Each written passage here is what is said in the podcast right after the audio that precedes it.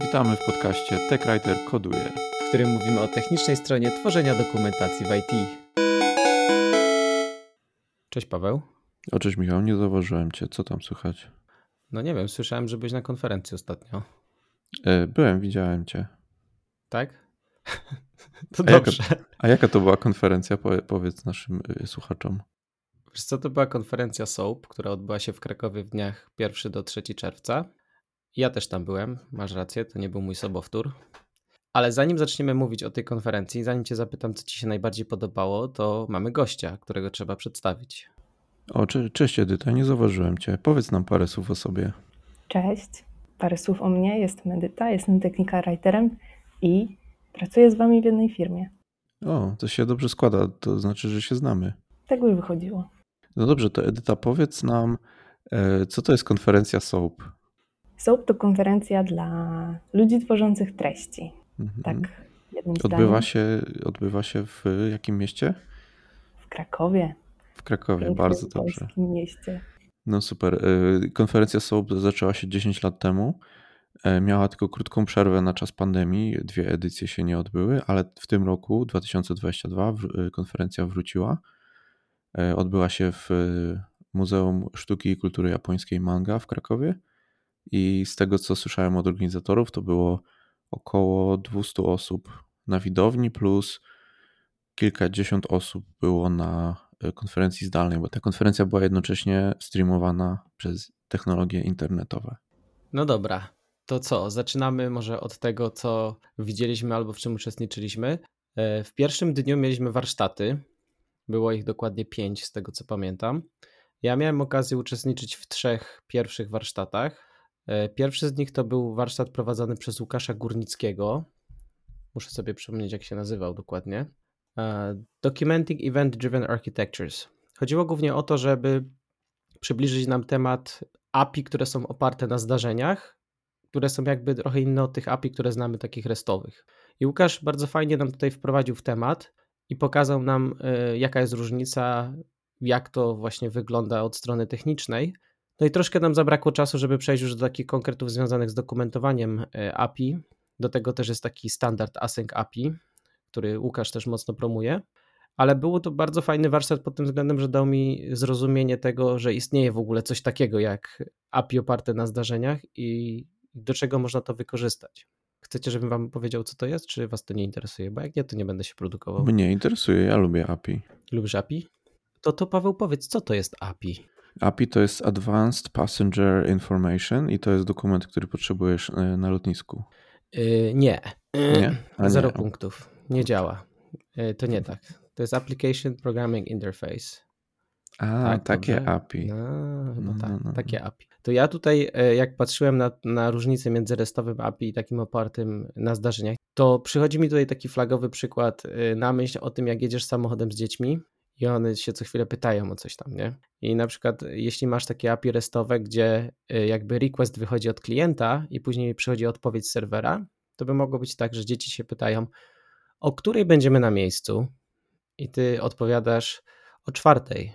No i to jest takie naturalne jak w konwersacji, tak? Czyli ja się ciebie o coś pytam, ty mi odpowiadasz i jest fajnie. No ale w momencie, kiedy one zaczynają się mnie pytać, Jesteśmy już na miejscu? Ja mówię, nie. Jesteśmy już na miejscu? Nie. Jesteśmy na miejscu? Nie. I nie, i nie, tak, nie. Aż w końcu tak. Dobrze. No i to jest takie irytujące, tak, bo nie wiem, że one muszą pytać po 40 razy e, albo więcej, to ja jeszcze muszę odpowiadać i to mnie denerwuje. Więc tutaj mógłbym zastosować sobie właśnie taką architekturę e, opartą na zdarzeniach, że one na przykład powiedzą, powiedz mi, kiedy będziemy na miejscu. A ja wtedy dobrze. No i sobie czekam, jadę spokojnie, słucham sobie radyjka, dojeżdżam na miejsce i mówię, jesteśmy na miejscu. I wtedy one y, są jakby zasubskrybowane do tej odpowiedzi. No i okej, okay. komunikat poszedł, one wiedzą, że dojechaliśmy, ale może być też takie streamowanie, czyli one na przykład powiedzą, informuj nas o tym, jak przebiega droga, e, żebyśmy wiedzieli, co się dzieje, tak?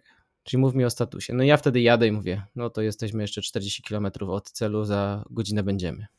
O, jesteśmy 20 km od celu, za chwilę będziemy. O, jesteśmy blisko celu, dobra, dojechaliśmy. Więc y, to, jest, to jest tak jakby zobrazowanie tego, jak działa ta architektura oparta na zdarzeniach versus to, co znamy z restowych API, gdzie jest jakby trigger od strony klienta i później odpowiedź ze strony serwera. Brzmi nieźle, nie? To, to brzmi super. A gdzie się używa takiego API? W jakich, w jakich aplikacjach?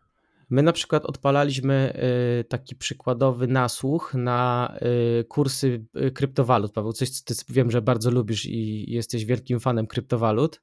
Tak, popieram wszelkie formy wyłudzania pieniędzy. Paweł, ale swoje osobiste opinie zostaw na później. Dobrze, to jest poważny podcast. Tutaj się mówi o poważnych rzeczach, a nie o jakichś tam, wiesz, teoriach spiskowych.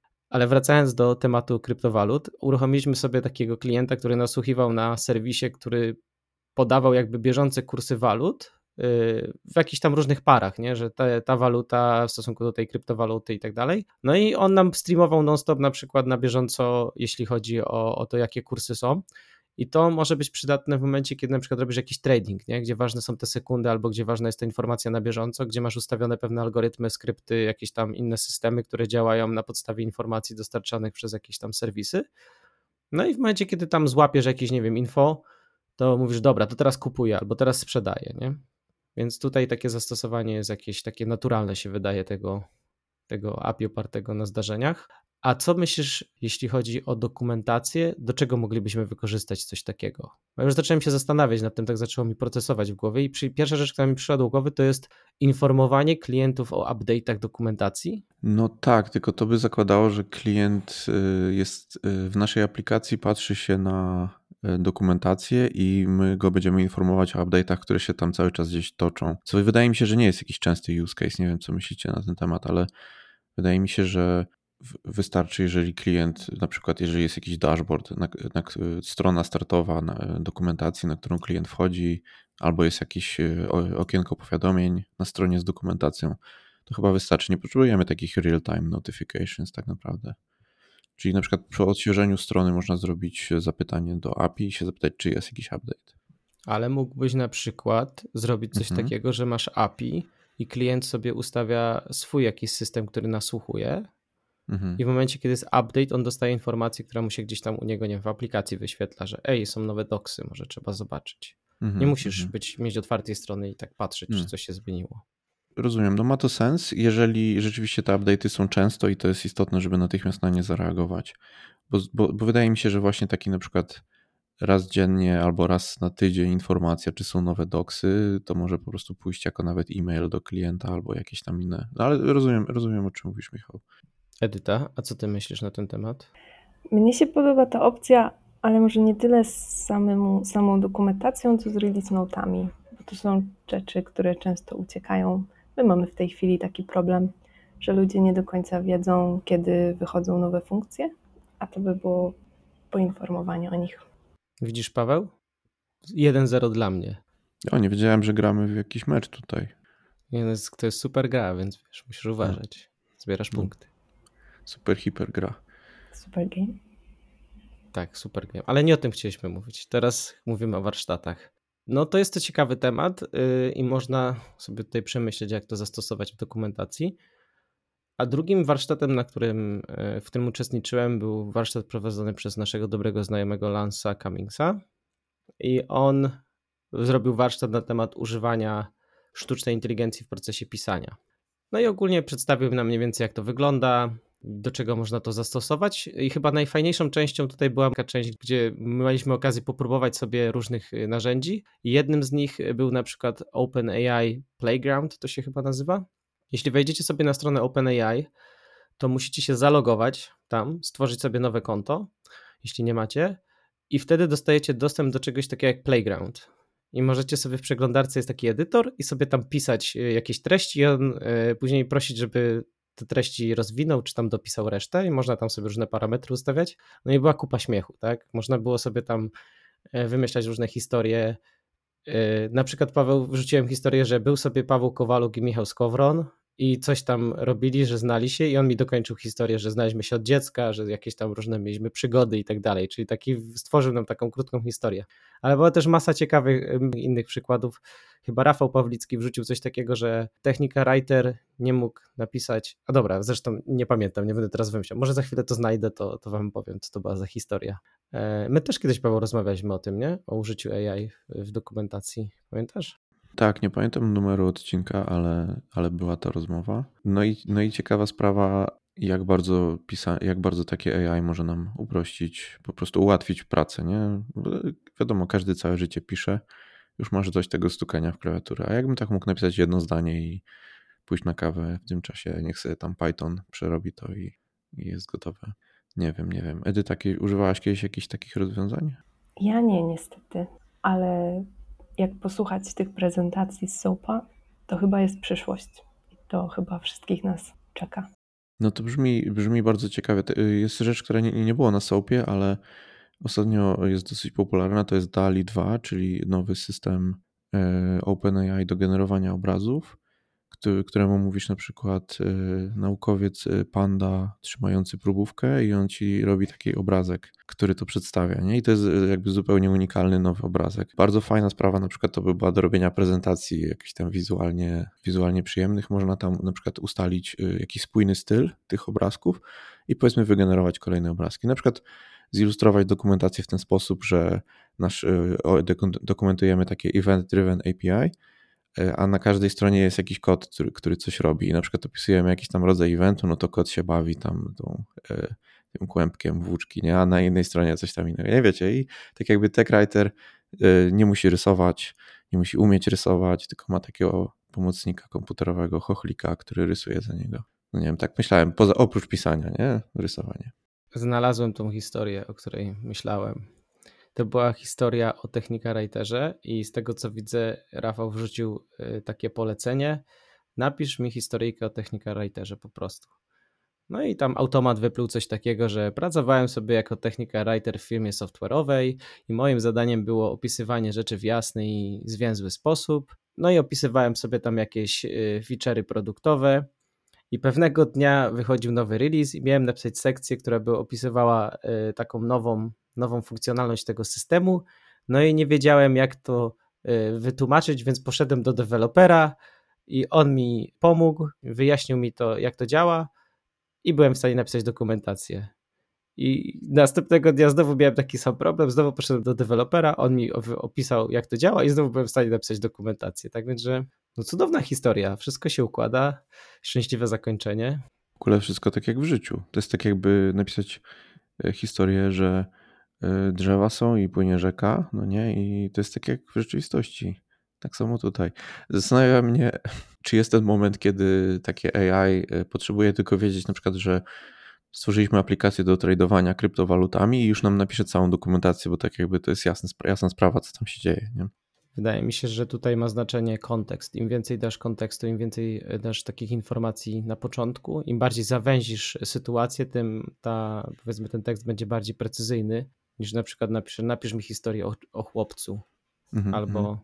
napisz mi historię o tym, jak zło zwyciężyło z dobrem. Nie? To jest bardzo ogólne, bo tych przykładów może być y, dużo i różnych. Więc jak napiszę, że opisz mi y, produkt, który, nie wiem, pozwala ci tradować kryptowalutami, no to, no to może to być różne, różne rzeczy mogą być. Nie? No właśnie, i czy praca Tech to mogłaby polegać na ustaleniu dostatecznie szczegółowego kontekstu?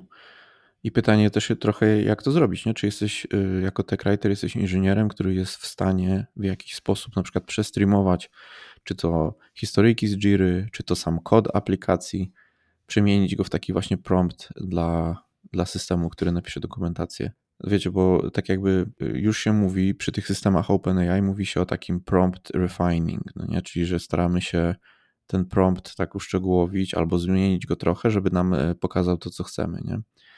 E, jak daleko to się może posunąć i jakich umiejętności to wymaga. Myślę, że to jest może coś, jakiś kierunek, w którym warto się rozwijać, popróbować tych aplikacji, zobaczyć, co możemy zrobić. Po prostu pomyśleć o tym jako, jak, jak o każdym innym narzędziu, że jestem power userem inteligencji piszącej teksty.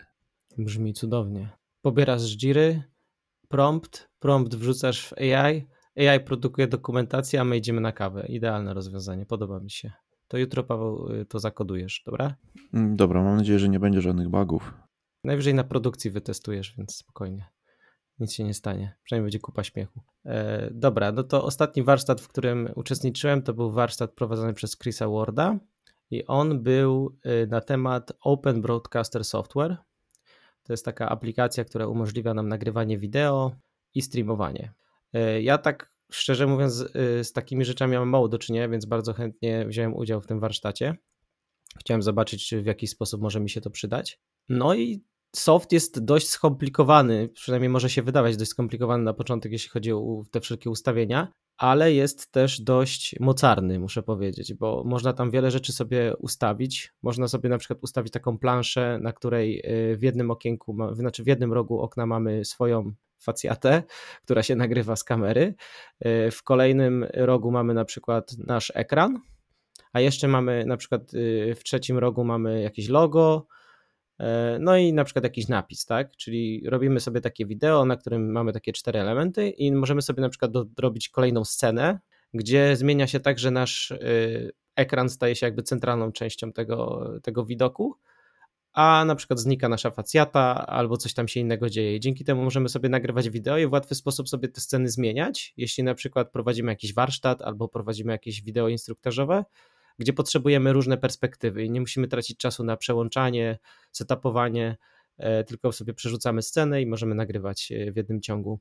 Fajne jest też to, że można wiele źródeł e, inputu tam sobie podpinać, więc jakieś różne mikrofony, wiele kamer prawdopodobnie też można podpiąć, więc można mieć na przykład z trzech różnych kamer obraz, kilka ekranów, tak więc, że super sprawa i jeśli chodzi o dokumentację, no to jak najbardziej może się to przydać, gdzie możemy takie tutoriale wideo kręcić możemy sobie na przykład streamować jakieś webinary albo warsztaty w fajny sposób. Z tego co widziałem, tam OBS się mm, integruje chyba z YouTube'em, z jakimiś innymi platformami, chyba z Zoomem tak samo. A była jeszcze jedna taka, taka platforma, hmm. która pozwala streamować z jednego miejsca na różne platformy, tylko nie pamiętam jak ona się nazywała. Re, re coś tam. Restream? Fajna sprawa, co myślicie? Widzi się bardzo dużo teraz e, takiej dokumentacji w formie jakichś takich e, tutoriali, czy jakichś e, właśnie live streamów, workshopów i tak dalej, jakichś live coding sessions. To nie jest zawsze stricte, to przeważnie to nie jest, albo nigdy to nie jest taka enterprise'owa dokumentacja, tylko to są bardziej takie produkty popularne, jakieś frameworki. Ja ostatnio dużo spędziłem czasu na przykład z Next.jsem i potem ze Strapi i tam dużo widziałem takich rzeczy właśnie, że ktoś nagrywa jakieś sesję kodowania, pokazuje jak ta aplikacja działa i tak dalej. To jest, to jest trochę takie zintegrowanie tych y, kursów wideo, które są popularne na przykład na Udemy czy, czy innych tego typu platformach. Tak integrujemy trochę takie kursy z ogólnym promowaniem naszego, e, naszego produktu. I myślę, że to jest też coś, e, jakaś taka fajna umiejętność, żeby mieć jako technical writer, żeby oprócz tego, że napisać e, jakieś procedurki, to jeszcze je jakoś tak fajnie pokazać. Edyta, a co ty tak cicho siedzisz? Może ty się wypowiesz, jeśli chodzi o wideo. Korzystasz, nagrywasz, znasz? Korzystam, znam, raczej nie nagrywam.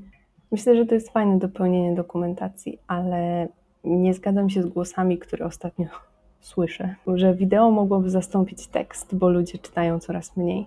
Mnie na przykład w ogóle nie odpowiadałoby przewijanie 10-minutowego filmiku, żeby znaleźć e, jedną małą rzecz, której szukam, która mi akurat nie wyszła w procedurze. To jest super do prezentacji i super, jeżeli chcesz sobie robić coś równolegle z filmikiem, ale to na pewno nie zastąpi nam pisanej dokumentacji. Tak mi się wydaje póki co. No ja się zgadzam absolutnie. Nie, mo nie może zastąpić, bo są takie case'y, kiedy właśnie ktoś coś potrzebuje sprawdzić, nie? Wyszukać jakieś słowo kluczowe, jakiś problem, co się pojawił i tak dalej. Wydaje mi się, że to jest fajna sprawa dla ludzi, którzy chcą się nauczyć czegoś, czegoś więcej w taki jakiś przystępny sposób, czyli zobaczyć cały flow, zobaczyć jak ktoś pracuje z jakimś produktem, nie? Jeżeli na przykład mamy jakiś framework i zobaczyć taką sesję kodowania z tym frameworkiem, to też może fajnie tak pomóc e, ułożyć sobie informacje. Ale też e, moim zdaniem e, istotne jest dowiedzieć się nasza konkretna publika, czy używa tych, tych filmików, czy to jest dla nich korzystne, nie? Czyli na przykład zrobić jeden, dwa takie i zobaczyć, jaką one mają oglądalność jeżeli po prostu ludzie włączają filmik, a go zaraz wyłączają i jedna osoba na 100 tylko wytrzyma do końca, no to pewnie nasi widzowie, nasi odbiorcy nie chcą tych filmików oglądać, więc nie ma sensu ich robić. Poza tym też trzeba brać pod uwagę wysiłek i inwestycję czasową, która jest potrzebna, żeby takie wideo stworzyć y, w sensowny sposób. Bo można nagrać byle jak, żeby było, ale myślę, że wiele takich y, nagrań odstraszy potencjalnych użytkowników, poza tym też wydaje mi się, że produkcja wideo jest bardziej kosztowna niż produkcja tekstu, bo jednak trzeba mieć dodatkowe umiejętności, żeby to dobrze poskładać. Wiadomo, jak już to zrobimy kilka razy, to już jest łatwiej, ale jednak no, edycja wideo czy też audio jest y, dość problematyczna i potrafi być czasochłonna, dlatego tak jak Paweł mówisz, trzeba sprawdzić, czy w ogóle taki case jest u nas y, potrzebny i czy warto inwestować jakiekolwiek środki w to. I jeszcze bym dodał, że y, jest to kosztowne i dużo bardziej niż tekst, ale dzięki takim narzędziom jak na przykład OBS czy wielu innym, które są dostępne, jest to mniej kosztowne niż kiedyś, nie? I tak jakby w dzisiejszych czasach robienie wideo jest e, dużo prostsze. E, I jakby nawiązując jeszcze do rozmowy o AI, to jeszcze są e, różne takie pluginy AI, platformy, programy, które też pomagają edytować, dodawać jakieś efekty specjalne, proponować jakieś tam miejsca edycji i tak dalej. Jest, jest, naprawdę, jest naprawdę też to się mocno rozwija, nie? I produkcja wideo jest dużo prostsza niż, niż była kilka lat temu. Super, czyli nam pipeline się zaczyna rozszerzać. Bierzemy prompty z Jiry, generujemy dokumentację, a drugim torem idzie generowanie wideo przez AI. Doskonale. I od razu jeszcze diagramy do tego dorzucamy też generowane przez AI. Super, podoba mi się ta wizja. Hey, no są przecież platformy, które na przykład y, biorą y, topiki editowe i y, nagrywają screencasty z aplikacji. Na przykład mówisz, rozwiń jakieś tam menu, kliknij coś tam, wpisz nazwę użytkownika i wpisz coś tam, wpisz hasło, kliknij OK. Y, piszesz taką procedurę w Dicie, y, a programik sobie otwiera naszą aplikację, klik, klik, klik, pisu, pisu, pisu i jakby nagrywa całą taką demonstrację i do tego głos jakby czyta, nie? czyli mówi te rzeczy, które napisaliśmy. Są już takie rzeczy. Jeżeli rzeczywiście nasi użytkownicy lubią oglądać i to im pomaga, no to czemu nie? Na tym zakończyłem udział w warsztatach, y, więc wiem, że Paweł, ty się obijałeś pierwszego dnia, więc nie byłeś na żadnych, ale może Edyta jeszcze ty byłaś na jakichś innych warsztatach, czy już nie? Ja mam niestety to nieszczęście, że musiałam dojeżdżać z innego miasta do Krakowa, więc dla mnie niestety warsztaty zostały ogłoszone trochę za późno i nie zdążyłam sobie zorganizować przyjazdu na ten jeden dodatkowy dzień. Żałuję. To przechodzimy do prezentacji. 2 i 3 czerwca y, odbywały się prezentacje. Ja przyznam e, szczerze, że pierwszego dnia no, za dużo nie uczestniczyłem w tych prezentacjach z powodów tam przygotowywania się do, do różnych rzeczy. Więc tak bardzo byłem wszędzie właściwie i nie miałem czasu usiąść spokojnie, więc tak naprawdę może widziałem jedną lub dwie prezentacje, więc będę Was pytał. Czy z pierwszego dnia macie jakieś fajne rzeczy, które Wam zapadły w pamięć? Ja nie pamiętam, czy to było pierwszego dnia, czy drugiego, więc wybacz Michał, że nie czyłam się Twojego scenariusza, ale była prezentacja pod tytułem Content Ops. Tytuł był trochę dłuższy, ja to tak uprościłem. Ale Content Ops to jest temat bliski mojemu sercu, bo to jest coś, czym się zajmuję w Guidewire już od czterech lat i naprawdę ta, inspira- ta, ta, ta prezentacja miała dużo inspiracji dla mnie, dużo takich jakichś pomysłów, jak rzeczy ustrukturyzować. To była prezentacja na poziomie takim wysokim, czyli tak zwanym strategicznym, nie? gdzie rozmawiamy nie o konkretnym, jak, jaką tam bibliotekę z Pythona zaciągnąć, tylko o strategii, jak, jak, jak operować tym content ops. I dla słuchaczy krótkie podsumowanie, żeby wam przypomnieć, co to jest content ops, tak jak mamy DevOps, czyli zarządzanie całym jakby cyklem rozwoju oprogramowania, czyli, de, czyli DevOps zawiera narzędzia i procesy, które nam pozwolą od produkcji kodu, od, y, poprzez sprawdzanie tego kodu, weryfikowanie, review, testy i tak dalej, przez y, continuous integration aż do publikacji i nawet decommissioning. I procesy, czyli co ludzie robią i narzędzia, czyli co tam komputery robią w tym wszystkim, to analogicznie Content Ops dotyczy wszystkich etapów e, tworzenia dokumentacji i stara się je właśnie zamknąć w takim, w takim podobnym frameworku. E, to jest mocno też powiązane z takimi rzeczami jak Docs Code i streamlinowaniem i automatyzacją wszelkich możliwych procesów tam, gdzie się tylko da to zautomatyzować. E, pamiętacie tą prezentację? Byliście na niej? Podobała Wam się? Akurat chyba uczestniczyłem i pamiętam też, że była pierwszego dnia, więc Paweł, udało ci się. A następnym razem zaproszę AI do rozmowy zamiast ciebie, bo przynajmniej AI będzie pamiętać, kiedy się co odbywało. Y, jeszcze dodam tylko y, w ramach uzupełnienia, że to była prezentacja Rachel Bailey. To jest też taka stała bywalczyni y, konferencji SOAP. Tylko tym razem niestety musiała się wdzwonić, nie było jej osobiście, tu prowadziła prezentację zdalnie. I ja pamiętam tą prezentację, ale bardzo tak wyrywkowo. Przyznam szczerze, że e, wiele rzeczy mi umknęło.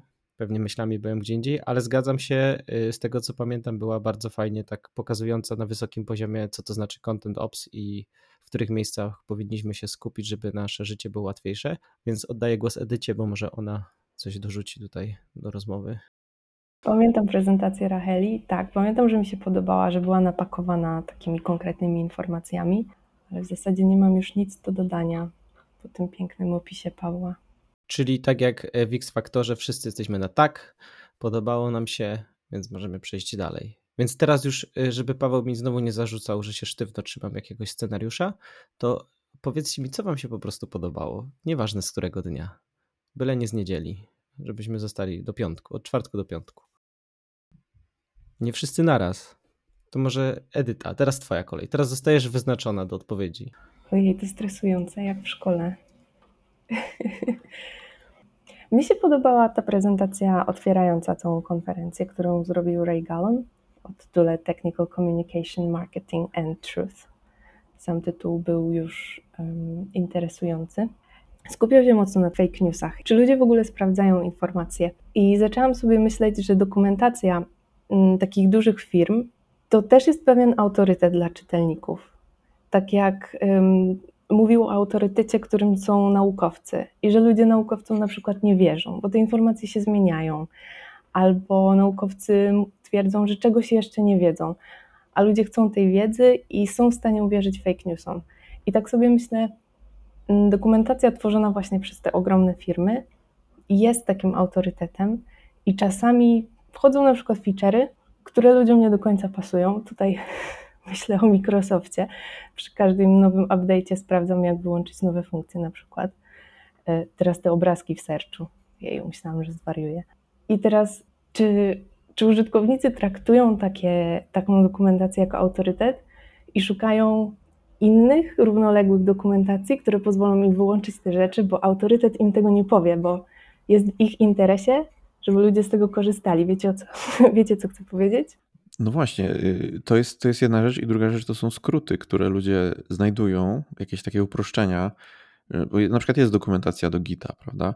No ale jak mam jakiś konkretny problem to i wpiszę go w Google, to pierwsza rzecz, co widzę, to jest Stack Overflow, ktoś ma ten sam problem i tam mu ktoś mówi, jak to zrobić. Jeżeli nasz, y, nasz produkt jest popularny, no to to samo się będzie działo. Będą gdzieś tam w internecie informacje, jak go używać. Lepiej opisane na przykład niż to, co my opisaliśmy. No właśnie, czy to nie jest problem dla nas, jako ludzi, którzy tworzą dokumentację, że użytkownicy nam uciekają i wierzą innym źródłom niż, niż nam? No to jest problem chyba, jak coś, jeśli coś zepsują w ten sposób na przykład, nie? Zepsują sobie i przyjdą do nas się skarżyć, nie? Bo generalnie jakby nie, nie konkurujemy z innymi źródłami informacji o uwagę, nie mamy płacone od kliknięć, ale generalnie tak, myślę, że to może być problem. Ale też można by się zastanowić nad tym, że wiele razy nie sprawdzamy tych innych źródeł czyli zakładamy, że one też są prawdziwe. Więc tutaj pojawia się też problem taki jak właśnie z fake newsami, że ktoś wrzuca jakąś procedurę, żeby coś takiego zrobić, a my czasami bezmyślnie po prostu podążamy tymi krokami, nie zastanawiając się, czy to na przykład nie zaszkodzi naszemu systemowi, czy to nie spowoduje jakichś problemów, czy na przykład włączenie tego parametru nie spowoduje tego, że serwer stanie się niestabilny.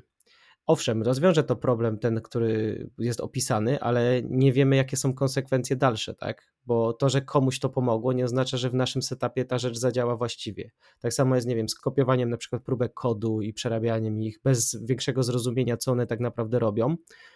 Więc y, fake news y, można łatwo przenieść na świat właśnie developmentu według mnie, czy też właśnie korzystania z dokumentacji, z procedur, bo też często się nie zastanawiamy, co miał autor na myśli, bo może on nie miał złych intencji, ale też na przykład nie przeanalizował, nie zna naszego przypadku, my tylko ma taki jakiś wycinek wiedzy, odpowiedział na jedno pytanie, a to nam zdestabilizuje całą, całą infrastrukturę, więc też musimy filtrować odpowiednio takie informacje, nie tylko podane w dokumentacji tej oficjalnej, ale też tej, której znajdujemy y, w innych źródłach. Tak mi się wydaje. No dobra, no to jesteśmy w trybie asynchronicznym, więc ja tutaj wrzucam prezentację z dnia drugiego CJ Walker. Sporo tutaj żartowaliśmy też, czy mówiliśmy trochę serio o AI i ta prezentacja według mnie tutaj fajnie wchodzi, wchodzi w ten temat, bo to była prezentacja dotycząca tego, jak, jaka jest nasza rola w tej czwartej y, rewolucji przemysłowej. Tak to chyba zostało nazwane, że to już jest czwarta czyli związana z tym, że technologia się szybko rozwija.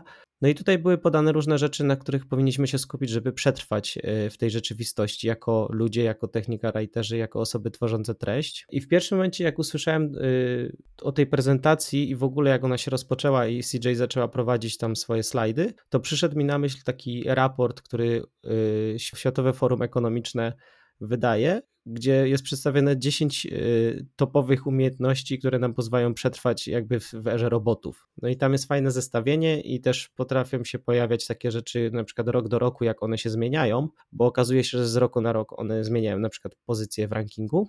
W każdym razie jest tutaj top ten skills of 2025 i na przykład myślenie analityczne i innowacja, aktywne uczenie się i strategie uczenia się, y, rozwiązywanie skomplikowanych problemów.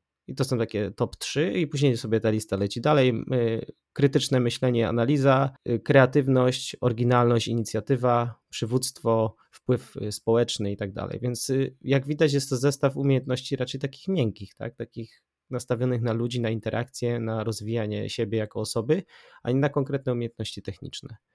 No i wydaje mi się, że ta prezentacja miała dokładnie takie same wnioski, że powinniśmy się skupić na takich uniwersalnych umiejętnościach, które pozwolą nam y, przeżyć w tym świecie, a nie na konkretnie jakichś naukach technologii, które pozwolą nam, nie wiem, zakodować stronę, czy tam ustawić jakiś pipeline i tak dalej, tylko na takich bardziej ogólnych umiejętnościach, które są łatwo przenoszalne i które są bardziej związane z nami jako ludźmi.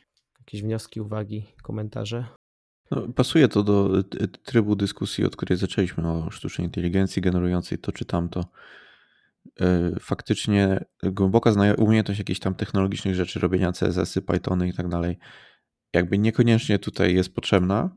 Raz e, zbudowany system z super zaprojektowanym Content Ops i z jakimiś tam AI asystentami rzeczywiście pozwoliłby nam się skupić na tej ludzkiej stronie, czyli czego potrzebuje nasz odbiorca, jakie problemy próbujemy rozwiązać, dlaczego je rozwiązujemy. Czyli rzeczywiście miękkie, miękkie umiejętności. Takie umiejętności techniczne są ważne, no bo wiadomo, pracę trzeba zrobić i są zadania, które wymagają tych umiejętności, ale mając takie umiejętności na wysokim poziomie, wydaje mi się, że jesteśmy łatwiej posiąść te umiejętności techniczne, które są już bardzo tak sfokusowane na konkretnym celu. Nawet ostatnio słuchałem jakiegoś podcastu dotyczącego nauki programowania i tam po raz kolejny, bo to nie był pierwszy raz, kiedy to słyszałem, po raz kolejny ktoś właśnie kładł nacisk na to, że tak naprawdę w świecie programowania dużo się nie zmieniło, jeśli chodzi o takie ogólne zasady. Zmieniło się mnóstwo, jeśli chodzi o technologię, o nowe frameworki, o to, jak to, o tempo rozwoju tam jakichś rozwiązań, ale są takie ogólno przyjęte prawdy i dobre praktyki, które warto znać i nawet czytając książkę, nie wiem, sprzed 15 lat, powinniśmy ją po prostu przeczytać, bo, bo te prawdy są uniwersalne. I jeśli nauczymy się myślenia w odpowiedni sposób i podejścia do problemu i takiej umiejętności rozwiązywania problemów, czyli nie wiem, jakiegoś krytycznego myślenia, analizy, czy też właśnie będziemy kłaść nacisk na to, żeby się ciągle rozwijać i uczyć nowych rzeczy w sposób sensowny, kiedy nam to jest potrzebne i to nam pozwoli przetrwać i się rozwijać nie tylko jako programista, ale też myślę, że w innych dziedzinach to ta nauka technologii już pójdzie za tym, tak? Bo my będziemy wiedzieć, jak się uczyć, więc przyjdzie to szybciej, będziemy wiedzieć, kiedy się uczyć, kiedy nam to jest potrzebne, nie marnując czasu na uczenie się albo fajnie, bo nowe, bo świeże, to będziemy tracić czas na to. No i żeby zastosować to w odpowiedni sposób, więc wydaje mi się, że to wszystko się składa do, w jedną fajną całość. A Paweł, a tutaj powiedziałeś właśnie przed chwilą o tym jednym systemie, który raz zakodowany nam rozwiąże problemy. To chyba była taka prezentacja, nie? Na sam koniec. Wielkie zamknięcie y, Rafała Pawlickiego z prezentacją o Dawidzie. Pamiętacie tą prezentację? Tak, bardzo, bardzo ciekawe to było. Rafał zaproponował, że w przyszłości jakiś system może zebrać całą wiedzę ze świata i my będziemy używać tego systemu do komunikowania się z naszymi odbiorcami. To znaczy, jest świat, w którym cała wiedza jest w głowie jednego superkomputera. My tworzymy nowy produkt. Siadamy sobie przy stole z jakąś tam Alexą i opowiadamy o naszym produkcie. Alexa sobie słucha i ta Alexa potem zarządza naszym zespołem, żeby dostarczył jakieś tam brakujące elementy, jakieś brakujące treści, publikuje to na zegarki wszystkich odbiorców, czy prosto do ich pnia mózgu, czy jak tam w przyszłości będzie się odbywało. I rola tech jest zupełnie inna w takim środowisku. To jest właśnie inżynier interakcji pomiędzy produktem a odbiorcą, a nie pisarz, twórca wideo, nagrywacz podcastów. I tutaj jeszcze uzupełnimy i wyjaśnimy.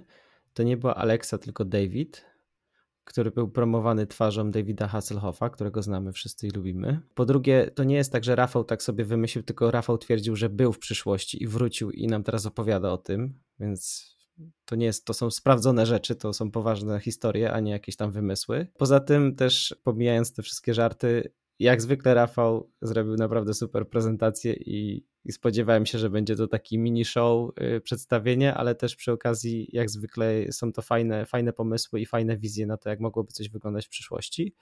i w ogóle jak rozwiązywać pewne problemy, więc mnie się bardzo podobało. I to była y, prezentacja zamykająca, co też należą się y, kudosy większe, bo robienie ostatniej prezentacji na koniec konferencji to jest też challenge. Poza tym Rafał ustanowił nową tradycję, gdzie robi magiczną sztuczkę w czasie prezentacji. I tym razem też zrobił magiczną sztuczkę, było to bardzo śmieszne. Edyta, czy ty byłaś na tej prezentacji? Byłam, ale jako, że była to ostatnia prezentacja, tak jak wspomniałeś, trudne zadanie, ja już nie odbierałam na 100%. To były jednak dwa bardzo intensywne dni, ale była świetna, podobała mi się. Fajnie, że była na luzie, tak na sam koniec. Ale mówiąc tak o rzeczach na luzie, to wspomnimy też o, o nowej tradycji i elemencie rozrywkowym na Saupie, czy nie? Pewnie, wspomnijmy. A co masz na myśli? Ja mam na myśli świetną grę, która została zorganizowana pierwszego dnia na koniec. Była mocno interaktywna, bo uczestnicy konferencji mieli szansę sprawdzić się w super game, odpowiedzieć na pytania związane z technika writingiem. I uwaga, najważniejsze były nagrody. No, to brzmi jak świetna zabawa. E, czy była zorganizowana przy udziale podcastu TechWriter Koduje? Tak mi się wydaje, że tych prowadzących kojarzę. Paweł, ja zaczynam się zastanawiać, czy ty nie masz jakiejś amnezji albo wiesz, jakiejś takiej choroby, może demencji jakąś już ci tu wjeżdża, bo wiesz, najpierw w ogóle nie pamiętasz, którego dnia co się działo, później nie pamiętasz, że byłeś y, na jakimś wydarzeniu, chociaż mówiłeś, że pamiętasz, że byłeś na konferencji, to i tak jest nieźle, więc ja się zaczynam naprawdę o ciebie martwić. Nie, Michał, ja po prostu zainstalowałem sobie Node Modules i nie mam miejsca na nic innego. To by się zgadzało, czyli 60 e, giga masz e, zajęte, a że twój mózg ma 58, to i tak ci się już zdążył skraszować. Z czego 32 giga to jest biblioteka do sprawdzania, czy liczba jest parzysta, czy nie. No to brzmi, brzmi jak właśnie e, setup, który, który mógłbyś zainstalować, dokładnie. Nie, a tak całkowicie poważnie, to tak, był super game, tak, prowadziliśmy z Pawłem taką grę w stylu familiady, no i było dużo śmiechu, mam nadzieję, i, że, i mam nadzieję, że wszyscy się bawili, ale też był fajny element taki edukacyjny, bo y, naprawdę zebraliśmy odpowiedzi od ludzi przed, przed tą familiadą i staraliśmy się pokazać, jakie były najpopularniejsze odpowiedzi na, na te pytania, które zadaliśmy. Czy na przykład, jaki jest tag w dicie y, popularny, albo jakie jest narzędzie do tworzenia dokumentacji, albo jakiej muzyki ludzie słuchają podczas pisania dokumentacji, i to też było ciekawe metal był chyba dość wysoko, nie? Rock, metal i jazz pojawił się tak samo. Więc tak, taka zabawa, zabawa z elementem e, informa takim, nie wiem jak to powiedzieć, edukacyjnym. O. Informującym lub donoszącym, tak jakby donosiliśmy na naszych kolegów, koleżanki. Zwycięzcą każdej kategorii i tak został Markdown. to prawda, Markdown się pojawiał w wielu kategoriach. Właśnie Edyta, y, czy coś tam ci się rzuciło w, w oczy, y, jeśli chodzi o te pytania, odpowiedzi? Jakieś takie konkretne, nie wiem, nauczyłaś się tam czegoś? Czy to było tylko śmichu chichu? Może zawiodę cię tą odpowiedzią, ale dla mnie to było głównie śmichu chichu. Okej, okay, no myślę, że to też jest też spełnia swoją rolę. Super Game też y, to była ostatnia rzecz tego dnia e, na konferencji, ostatni, ostatni powiedzmy punkt programu i tak jak mówiłaś o wystąpieniu Rafała, Rafała Pawlickiego, że ciężko ci już się było skupić na tym, o czym mówi, to jest niestety problem długiego dnia konferencji, więc e, na koniec coś takiego luźniejszego to jest, to jest dobry pomysł, żeby trochę ludzi tam e, odprężyć i rozładować. Co i tak właściwie mówi się zazwyczaj, że większość ludzi zapamięta jedną rzecz z danej prezentacji, jeśli w ogóle coś zapamiętają. E, dwie, trzy rzeczy to już jest zdecydowanie za dużo, żeby próbować przekazać. Ale wrócicie za rok z Super Game? Może, chyba że wymyślimy coś ciekawszego. Wydaje mi się, że y, tutaj Rafał zaczyna nas mocno kierować w kierunku trendów z magicznymi sztuczkami, więc może jakiś show y, w stylu Davida Copperfielda dla, y, dla początkujących, czy coś takiego. E, myślę, że takie sztuczki magiczne mogłyby być ciekawe. Nie wiemy. Mam nadzieję, że za rok również będziemy mogli być, po pierwsze, że za rok nic się nie wydarzy złego i będziemy mogli uczestniczyć w konferencji osobiście, tak jak w tym roku bo już nie mogłem się osobiście doczekać, kiedy to się stanie. Zaczęło mi brakować takich wydarzeń. Po drugie, mam nadzieję, że znowu będziemy mogli być partnerem konferencji SOAP. Dlatego też y, od razu chciałbym przeprosić za to, że może nie jesteśmy super obiektywni, y, bo ja na przykład tą konferencję bardzo lubię, jestem wielkim fanem ludzi, wydarzenia i tak dalej, więc ja nie potrafię być super krytyczny, nawet jeśli coś było nie tak, więc z góry przepraszam za hura optymizm w stosunku do tego wydarzenia, ale no tak jest. Ja po prostu Soapa od początku bardzo lubię i chyba tak już zostanie na zawsze. Dlatego też z tego miejsca chciałbym podziękować wszystkim, którzy zaangażowani byli w, w organizację, wszystkim, którzy tam stali za, za organizacją, czy też jeśli chodzi o rejestrację, o obsługę techniczną, o, o takie rzeczy, bo to wymaga naprawdę sporo pracy. Wiadomo, były tam jakieś różne pomyłki, potknięcia i problemy, ale, ale i tak y, wielkie dzięki się należy. I szczególnie wydaje mi się, że też warto podziękować uczniom z 31 Liceum Ogólnokształcącego imienia Romana Ingardena e, w Krakowie, którzy jako wolontariusze pracowali przy obsłudze konferencji. No ja odzyskuję wiarę w młodzież, jak widzę coś takiego przyznam szczerze, więc super dzieciaki, no dzieciaki może złe słowo, bo to są już dorośli ludzie prawie, ale super, super ludzie i naprawdę bardzo entuzjastycznie nastawieni tego, co robili, więc naprawdę należą się wielkie podziękowania. Ja też się chciałem dołączyć do podziękowań ekipie Soapa i e, uczniom 31 liceum. Jeżeli to, to, to, to słyszycie, to naprawdę zorganizowaliście super e, konferencję i należy wam się cała sława i chwała za to. E, myślę, że też warto podziękować osobom, które robiły prezentację, bo też e, tak dużo pracy w to wchodzi. Nie zawsze też idzie według planu, nie zawsze też każdemu przypadnie do gustu temat czy też sposób wykonania. E, niemniej jednak sami wiemy też, Paweł, ile to kosztuje pracy i, i dlatego warto tym ludziom podziękować, no bo musieli przyjechać, musieli zrobić slajdy, musieli poświęcić czas, postresować się swoje przed wyjściem na scenę, dlatego też jak najbardziej y, wielkie podziękowania dla wszystkich, którzy prowadzili prezentacje i warsztaty. Y, poza tym y, wydaje mi się, że jeśli zastanawiacie się nad prezentowaniem, to Soap jest idealną konferencją, jeśli chcecie zacząć, bo tam są ludzie naprawdę otwarci, wszyscy są na luzie i to jest super miejsce, żeby postawić pierwsze kroki jako prezenter, bo na innych konferencjach może być większy stres. Edyta, a ty myślałaś o tym, żeby prezentować? Zobowiążesz się oficjalnie tutaj wiążącą umową ustną, że wystąpisz na samym Soapie? Niniejszym zobowiązuję się oficjalnie, o. iż zgłoszę się na przyszłą edycję Soapa jako prezenter, prezenterka. Super, bardzo się cieszymy. Doskonale. I teraz ja z tego miejsca chciałbym powiedzieć, że tego się nie wytnie. To zostaje dla potomności. O nie. To co? Mamy to? Podsumowaliśmy? Konferencja super. 7 na 10, 3 na 10. Żartuję. To jest bardzo fajna konferencja, ale ja po prostu nie daję wyżej niż 3, bo po prostu, no, tak, żeby tak. jakby standardy jakieś były zachowane, prawda? Myślę, że warto wyjaśnić, że właśnie Paweł y, zawsze mówi super 3 na 10, żeby było wiadomo, że to jest najlepsza ocena, jakakolwiek w życiu została udzielona. Nawet sobie nie daje 3 na 10, sobie daje 2,5 na 10, więc to o czym świadczy. Tak, też Edyta, dzięki bardzo za udział w naszym odcinku. Tobie daję też 3 na 10 za fajne E, obserwacje i za to, że się zobowiązałaś oficjalnie wiążącą umową ustną do tego, że się zgłosisz jako prezenterka w przyszłym roku do konferencji SOAP. Dziękuję za zaproszenie i dziękuję za bardzo wysoką ocenę. To do usłyszenia w następnym odcinku. Na razie. Cześć, na razie, hej.